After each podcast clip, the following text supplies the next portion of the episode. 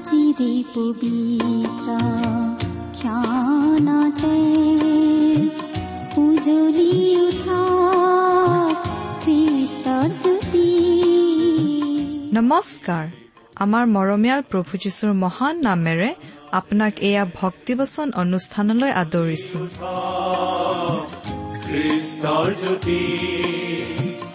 আকাশ বতাহ মুখৰিত কৰি গাঁও হাবে মিলি গীতি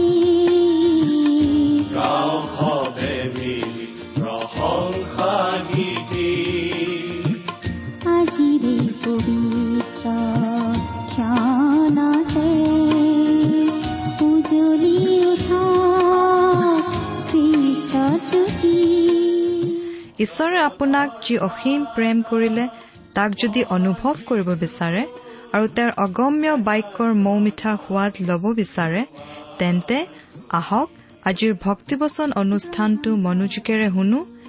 এয়া আপোনালৈ আগবঢ়াইছো। ঈশ্বৰৰ জীৱন্ত বাক্যৰ অনুষ্ঠান ভক্তিবচন।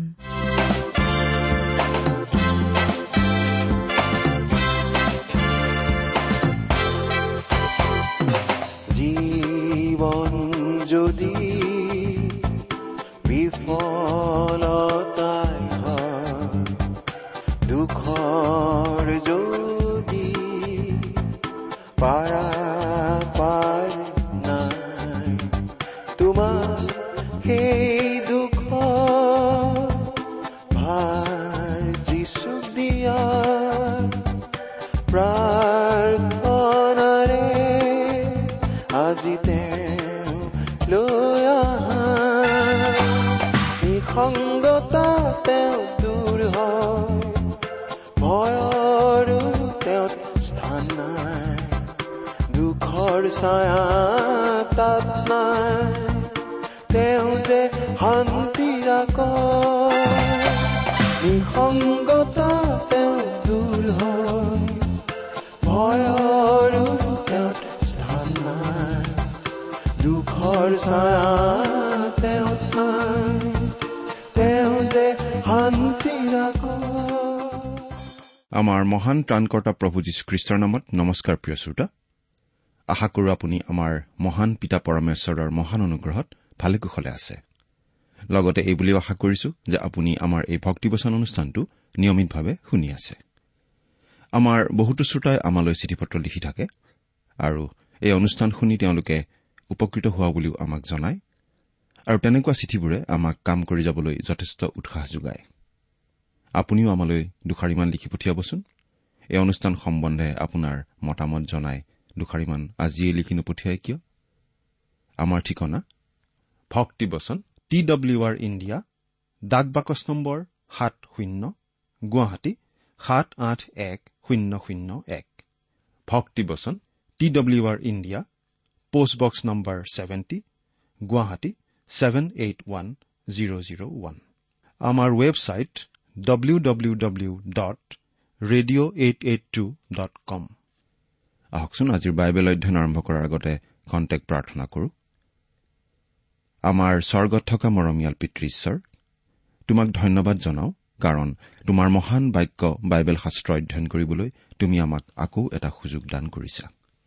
তোমাক শতকোটিবাৰ ধন্যবাদ জনাওঁ কাৰণ তুমি তোমাৰ একেজাত পুত্ৰ যীশুখ্ৰীষ্টৰ জৰিয়তে আমালৈ অনন্ত জীৱনৰ আশীৰ্বাদ বিনামূল্যে আগবঢ়াইছা। এতিয়া তোমাৰ বাক্য অধ্যয়ন কৰিবলৈ ওলাইছো। তোমাৰ বাক্য তুমিয়েই আমাক বুজাই দিয়া। আমাৰ মৰমৰ শ্ৰোতাসকলক উপচি পৰাকৈ আশীৰ্বাদ কৰা। তেওঁলোকৰ সকলো প্ৰয়োজনৰ কথা তুমিহে ভালদৰে জানা আৰু সেই সকলো তুমিয়েই পূৰণ কৰা। কিয়নো এই প্ৰাৰ্থনা আমাৰ মহান ত্ৰাণকৰ্তা প্ৰভু যীশুখ্ৰীষ্টৰ নামত আগবঢ়াইছো।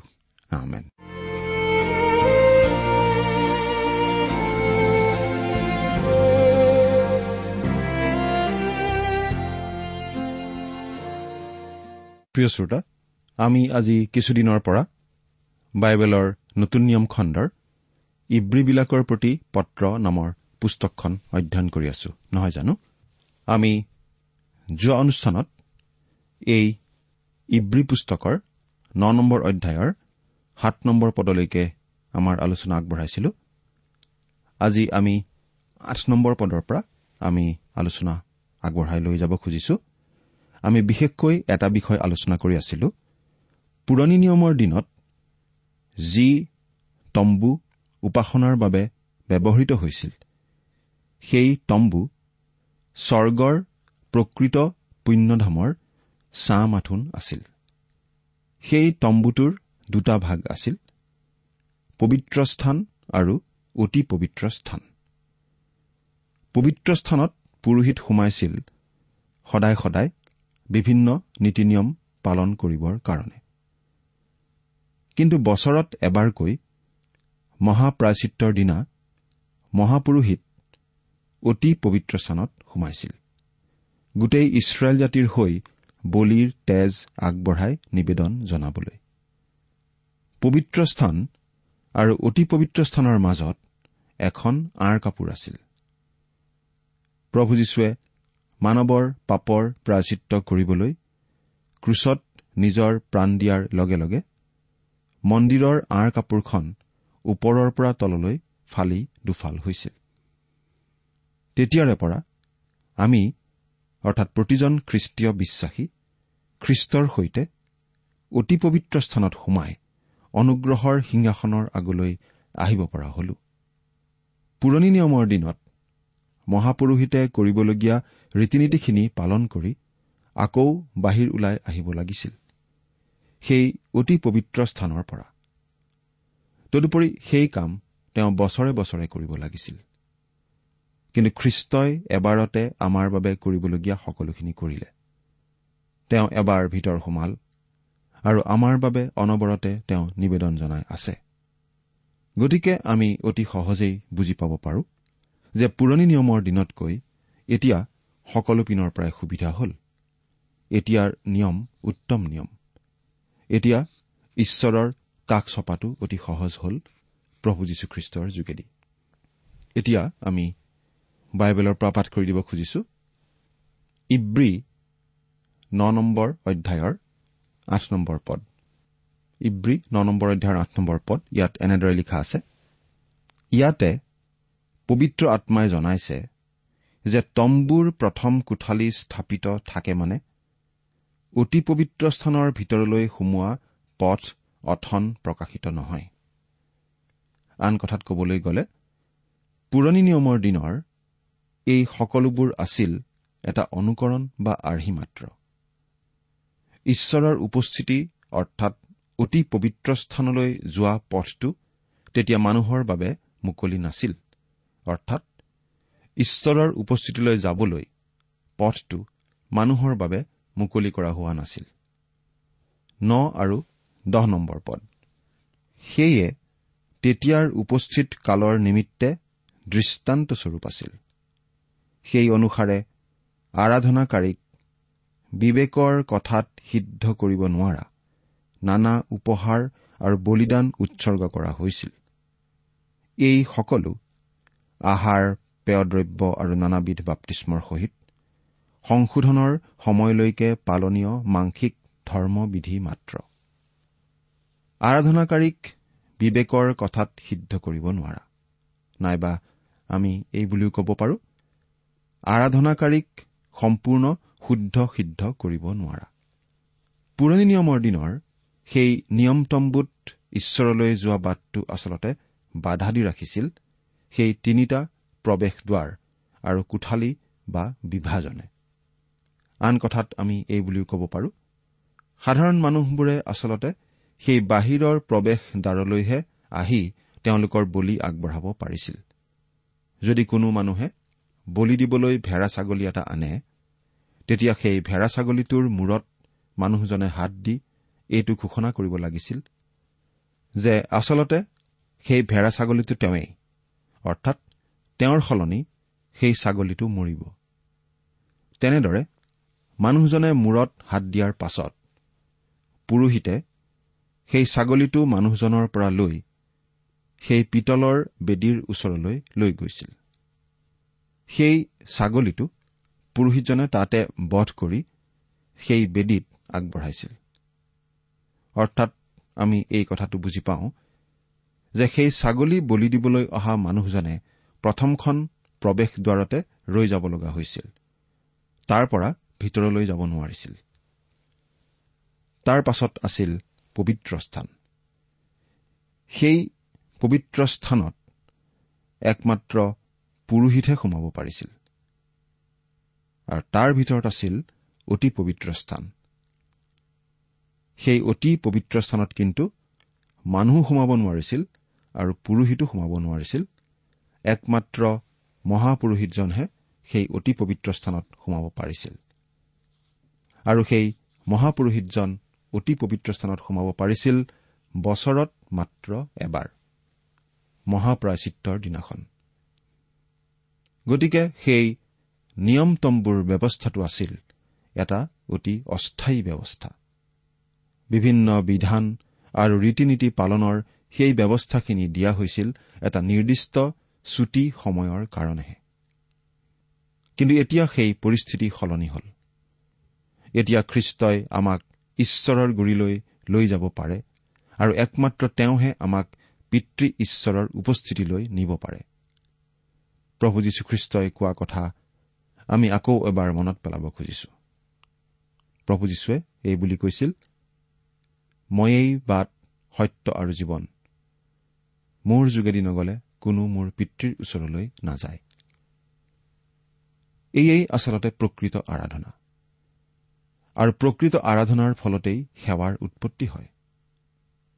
আমি যদি ঈশ্বৰৰ উপস্থিতিলৈ যাওঁ তেতিয়াহ'লে তেওঁক সেৱা কৰাটো আমাৰ বাবে আৰু সমস্যা হৈ নাথাকিব বৰং সেইটো এটা স্বতঃস্ফূৰ্ত কথাহে হ'ব। আজি তথাকথিত উদাৰপন্থী লোকসকলে আৰাধনাৰ বিষয়টোক অৱহেলা কৰে। বহু বছৰ আগতে এজন লোকে এই বুলি মন্তব্য কৰিছিল। এই জগতে যীশুক দুই ধৰণে প্ৰত্যাখ্যান কৰিব পাৰে বা যীশুৰ কথাটো অব্যাহতি দিব বিচাৰে। তাৰে এটা পদ্ধতি হিচাপে যীশুক ক্ৰুচত দি নিঃশেষ কৰিব বিচাৰিছিল। আৰু দ্বিতীয়তে খ্ৰীষ্টক অব্যাহতি দিয়াৰ এটা ব্যৱস্থা হৈছে আৰাধনা কৰাৰ যোগেদি। অৰ্থাৎ তেওঁ এই বুলি কোৱাৰ নিচিনা হৈছিল যে যদিহে আমি খ্ৰীষ্টক আৰাধনা কৰো তেনেহলে আমি তেওঁক ক্ৰুচত দিয়াৰ নিচিনা জঘন্য কাম কৰাৰ নিচিনা হয়। এই মন্তব্যটো আমাৰ বাবে নিশ্চয় গ্ৰহণযোগ্য হ'ব নোৱাৰে। এনেদৰে কোৱা মানে চৰম ঈশ্বৰ নিন্দা কৰাৰ নিচিনা কথা। প্ৰিয় শ্ৰোতা আজি আমি ক্ৰুচত প্ৰাণ দি আমাৰ পাপৰ প্ৰাচিত্ৰ কৰা সেই পৰিত্ৰতাৰ যোগেদি পিতৃ ঈশ্বৰৰ আগলৈ আহোঁ। একমাত্ৰ তেওঁৱেই আমাৰ হৃদয়ত উপাসনাৰ আৰাধনাৰ ভাৱ জগাই তুলিব পাৰে। এইকাৰণেই পাচনি পৌলে ইফিচত থকা খ্ৰীষ্টীয় বিশ্বাসীসকললৈ এই বুলি লিখিছিল। ইফিচিয়া পাঁচ নম্বৰ অধ্যায়ৰ ওঠৰ আৰু ঊনৈশ নম্বৰ পদত আমি এনেদৰে পাওঁ আৰু দ্ৰাক্ষাৰসেৰে মতলীয়া নহবা কিয়নো তাত নষ্টামী আছে কিন্তু আত্মাৰে পৰিপূৰ্ণ হোৱা। ধৰ্মগীত স্তুতিগীত আৰু আম্মিক গানেৰে পৰস্পৰে আলাপ কৰা আৰু প্ৰভুৰ উদ্দেশ্যে তোমালোকৰ হৃদয়েৰে গান আৰু বাদ্য কৰা। অৰ্থাৎ পবিত্ৰ আত্মাৰে পূৰ্ণ হোৱাৰ পাছত কি কৰিব লাগে সেইটো আমাক জনাই দিয়া হৈছে। আম্মিক গীত গান স্তুতি আৰাধনা। সেয়েই আৰাধনা প্ৰিয় শ্ৰোতা খ্ৰীষ্টীয় বিশ্বাসী এজনৰ বাবে সকলোতকৈ ডাঙৰ আনন্দ আৰু উত্তেজনা হৈছে ঈশ্বৰৰ আত্মাৰে পৰিপূৰ্ণ হোৱা আৰু পবিত্ৰ আত্মাই খ্ৰীষ্টৰ বিষয়বোৰ আমাৰ জীৱনত বাস্তৱ কৰি তোলা। এয়েই আমাৰ হৃদয়লৈ অতিশয় আনন্দ আনিব পাৰে।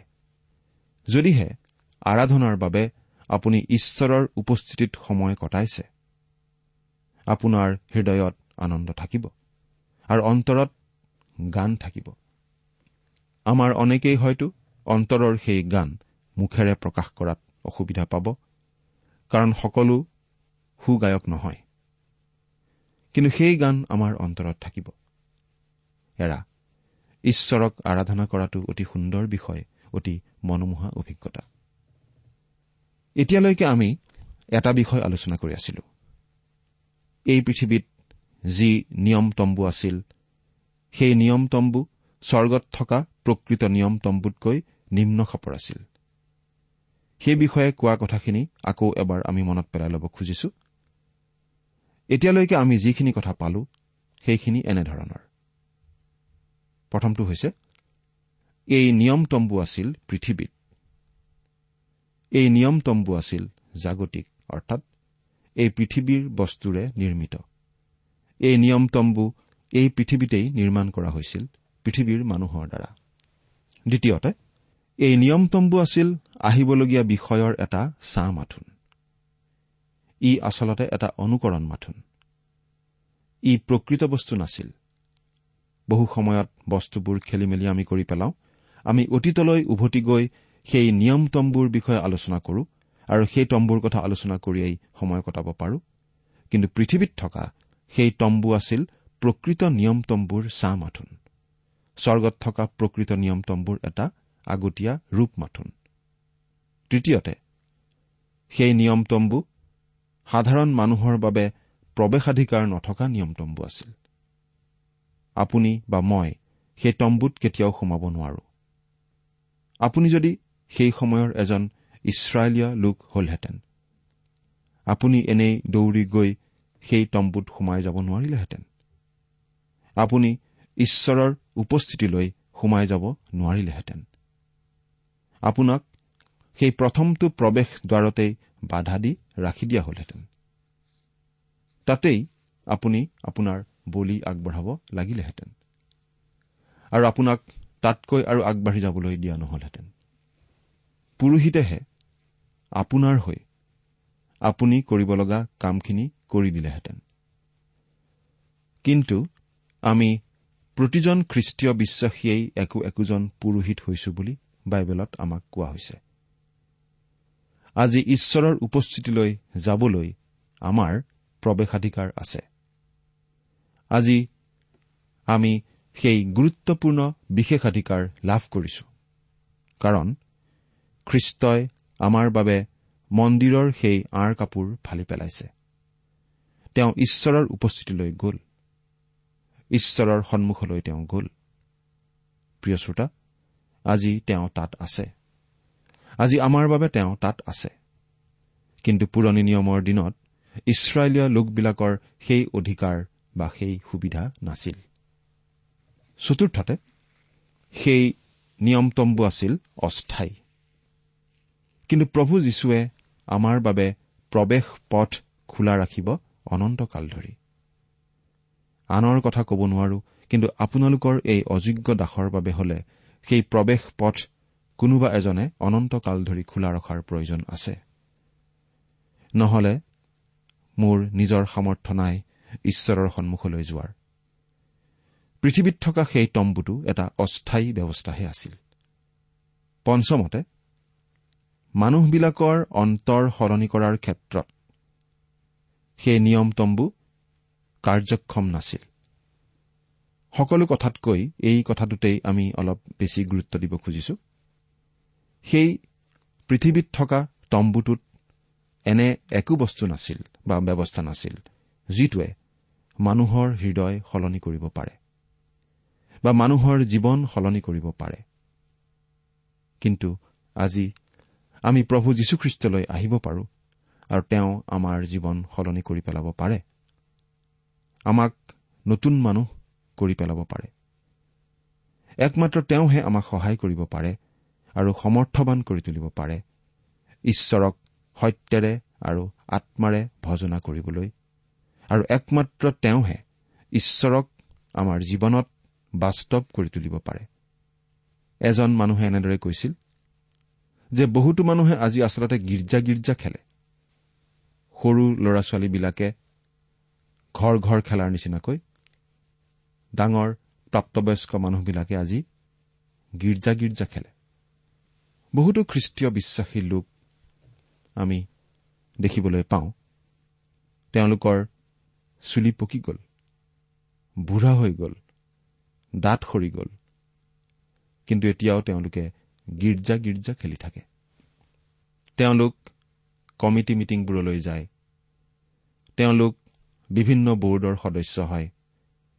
কিছুমানে হয়তো গায়ক দলত যোগো দিয়ে গীৰ্জাত গীত গায় কিছুমানে হয়তো ছানডে স্কুলত শিকায় তেওঁলোকৰ বহুতেই উই পৰোৱাৰ নিচিনাকৈ ব্যস্ত হৈ থাকে গীৰ্জাৰ বিভিন্ন কাৰ্যত বিভিন্ন পৰিচৰ্যাত।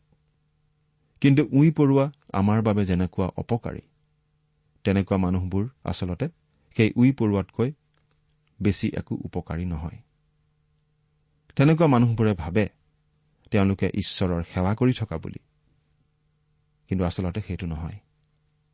প্ৰিয় শ্ৰোতা আপুনি ঈশ্বৰক প্ৰকৃত অৰ্থত আৰাধনা নকৰালৈকে আপোনাৰ জীৱনত ঈশ্বৰ বাস্তৱ হৈ নুঠালৈকে ঈশ্বৰক লগ পোৱাৰ অভিজ্ঞতা আপোনাৰ জীৱনত নোহোৱালৈকে ঈশ্বৰৰ বাক্য আপোনাৰ বাবে বাস্তৱ হৈ নুঠালৈকে আপুনি আচলতে ঈশ্বৰৰ সেৱা প্ৰকৃত অৰ্থত কৰিব নোৱাৰে।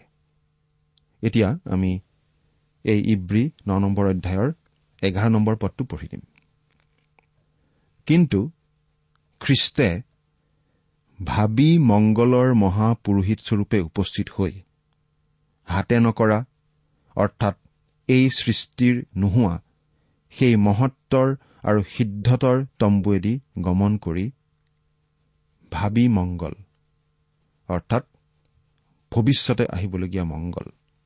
প্ৰিয় শ্ৰোতা প্ৰভু যীশুৰ যোগেদিয়েই আজি আমালৈ আচলতে মংগল আহে উপকাৰ আহে। আজি এতিয়াই বৰ্তমান অৱস্থাতেই আমি প্ৰভু যীশুক গ্ৰহণ কৰি আমাৰ আত্মাৰ পৰিত্ৰাণ লাভ কৰিব পাৰোঁ। আমি অনন্ত জীৱনৰ ভাগি হ'ব পাৰোঁ। আমাৰ পাপৰ ক্ষমা লাভ কৰিব পাৰোঁ। পবিত্ৰ আত্মাৰ জৰিয়তে আমি নতুন জন্ম লাভ কৰি ঈশ্বৰৰ সন্তান হ'ব পাৰোঁ। এই সকলোখিনি আমি এতিয়াই লাভ কৰিব পাৰোঁ আৰু কৰোঁ। প্ৰতিজন খ্ৰীষ্টীয় বিশ্বাসেই আচলতে সেইখিনি প্ৰভু যীশুৰ পৰা লাভ কৰিছে।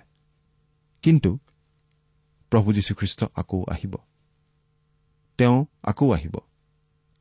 এই পৃথিৱীৰ পৰা খ্ৰীষ্টীয় বিশ্বাসীসকলক উত্তোলিত কৰি লৈ যাবলৈ। কিন্তু প্ৰভু যীশু যেতিয়া আমাক নিবলৈ আকৌ আহিব। তেতিয়া আমি সম্পূৰ্ণকৈ বুজি পাম যে প্ৰভু যীশুত আচলতে আমি কিমানবোৰ আশীৰ্বাদ লাভ কৰোঁ। সেই সকলো কথা এতিয়ালৈকে আমি কোনেও ভালদৰে বুজি পোৱা নাই। কিন্তু যেতিয়া প্ৰভু যীশু আকৌ আহিব ভৱিষ্যতে তেতিয়া আমি আটাইবোৰ আশীৰ্বাদ উপভোগ কৰিবলৈ পাম। হাতে নকৰা অৰ্থাৎ এই সৃষ্টিৰ নোহোৱা সেই মহত্বৰ আৰু সিদ্ধতৰ তম্বুৱেদি গমন কৰি। প্ৰভু যীশুৱে মানুহৰ হাতেৰে সজা এই পাৰ্থিৱ তম্বুত পৰিচৰ্যা আগবঢ়োৱা নাই। কিন্তু সেই মহত্বৰ আৰু সিদ্ধতৰ তম্বু যি তম্বু মানুহে তৈয়াৰ কৰা নাই তাতহে তেওঁ আমাৰ হকে এতিয়া নিবেদন জনাই আছে। সেই মহত্বৰ আৰু সিদ্ধতৰ তম্বু এই জগতৰ নহয় মানুহৰ দ্বাৰা নিৰ্মিত নহয়। সেই তম্বুত কোনো অসম্পূৰ্ণতা নাই। সেই তম্বু সিদ্ধ তম্বু মহত্বৰ তম্বু। সেই তম্বুত কোনো অসম্পূৰ্ণতা নাই কাৰণ সেই তম্বু ঈশ্বৰে নিৰ্মাণ কৰা। আজি আমি আমাৰ গীৰ্জাঘৰটো সজাই পৰাই আকৰ্ষণীয় কৰি উপাসনা অধিক চিত্তাকৰ্ষক কৰি তুলিবলৈ চেষ্টা কৰোঁ। কিন্তু তাৰ দ্বাৰা আচলতে আমাৰ মাংসিকতাকহে আমি সন্তুষ্ট কৰিব খোজো। এই বাহ্যিকতাবোৰে মানুহৰ আম্মিক প্ৰয়োজনীয়তা দূৰ নকৰে। আমি মনত ৰখা উচিত যে স্বৰ্গত এক প্ৰকৃত তম্বু আছে। উপাসনা স্থান আছে। তাত এজন প্ৰকৃত মহাপুৰোহিত আছে। আৰু প্ৰকৃত আৰাধনা আম্মিক আৰাধনাহে। তেওঁক আমি যিকোনো ঠাইত উপাসনা কৰিব পাৰো। অৱশ্যে সুন্দৰকৈ সজোৱা ঠাইত উপাসনা কৰি আমাৰ সকলোৰে ভাল লাগে। কিন্তু সেইবোৰ যে বাহ্যিক প্ৰভাৱ এই কথাটো আমি পাহৰিব নালাগে। প্ৰভু যীশুক বিশ্বাস কৰা লোকসকলে যিকোনো ঠাইত যিকোনো সময়ত প্ৰভু যীশুক কাষতে পায় পিতৃ ঈশ্বৰক কাষতে পায় আৰু প্ৰকৃত উপাসনা তাতেই আগবঢ়াব পাৰে। বাৰ নম্বৰ পদটো পঢ়ি দিছো। ছাগৰ আৰু দামুৰীৰ তেজৰ গুণে নহয় কিন্তু নিজৰ তেজৰ গুণে একেবাৰতে পবিত্ৰ স্থানত সোমাই অনন্তকাল স্থায়ী মুক্তি উপাৰ্জন কৰিলে। এই পদটোৰ পৰা আমি এটা কথা ক'ব পাৰো যে খ্ৰীষ্টই স্বৰ্গলৈ তেওঁৰ তেজ লৈ গৈছিল। তেওঁ কোনো জীৱ জন্তুৰ তেজ লৈ যোৱা নাছিল। নিজৰ তেজ লৈহে তেওঁ স্বৰ্গত সোমাল। যি তেজ তেওঁ ক্ৰুচত বোৱাইছিল তেওঁ নিজেই বলি হল আৰু তেওঁতকৈ উত্তম বলি আৰু আন একো হ'ব নোৱাৰে। তেওঁ বলি তেওঁৱেই মহাপুৰোহিত তেওঁৱেই আমাৰ ত্ৰাণকৰ্তা। সেইবাবে আজি তেওঁক বিশ্বাস কৰি আমি অনন্তকাল স্থায়ী পৰিত্ৰাণ লাভ কৰিব পাৰো। সেই পৰিত্ৰাণ আপুনি বাৰু লাভ কৰিছেনে? ঈশ্বৰে আপোনাক আশীৰ্বাদ কৰক। আমেন।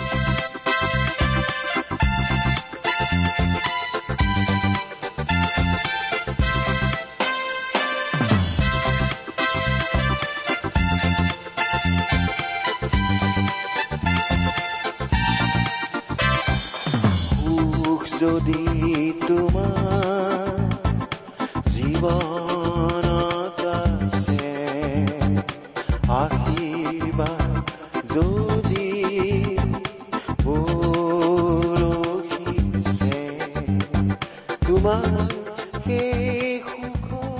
ইমান পৰে আপুনি ভক্তিবচন অনুষ্ঠানটি শুনিলে।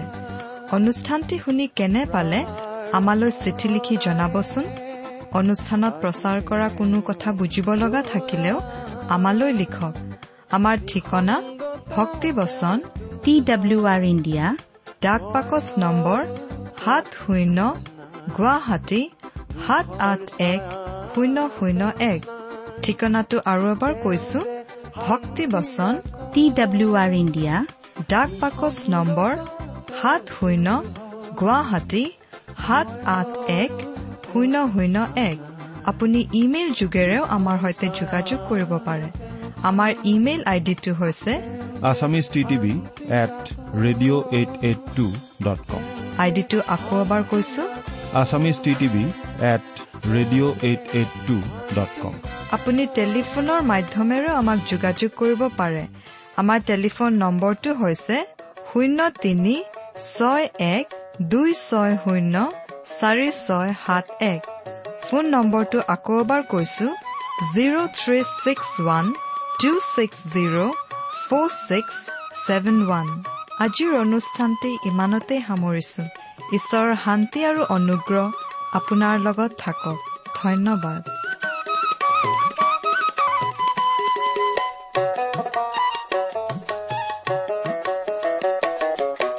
ভাবিছা বন্ধু? ভবাৰ কাম ঈশ্বৰ আমাৰ সৃষ্টিকৰ্তা ঈশ্বৰ আমাৰ বিচাৰ কৰ্তা তেওঁৰে নাম লোৱা ভাই কি ভাবিছা বন্ধু ভবাৰ কাম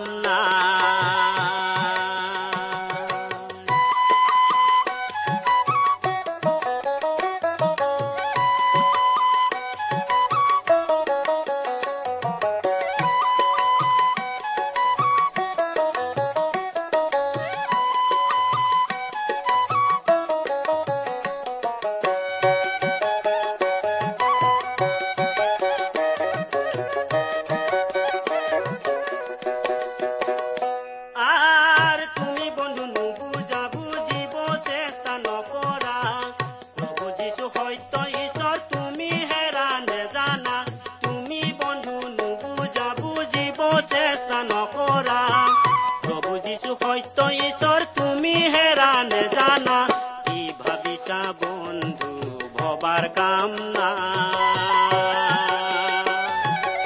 ঈশ্বৰ আমাৰ সৃষ্টিকৰ্তা ঈশ্বৰ আমাৰ বিচাৰ কৰ্তা তেওঁৰে নাম লোৱা ভাই। কি ভাবিছা বন্ধু ভবাৰ কাম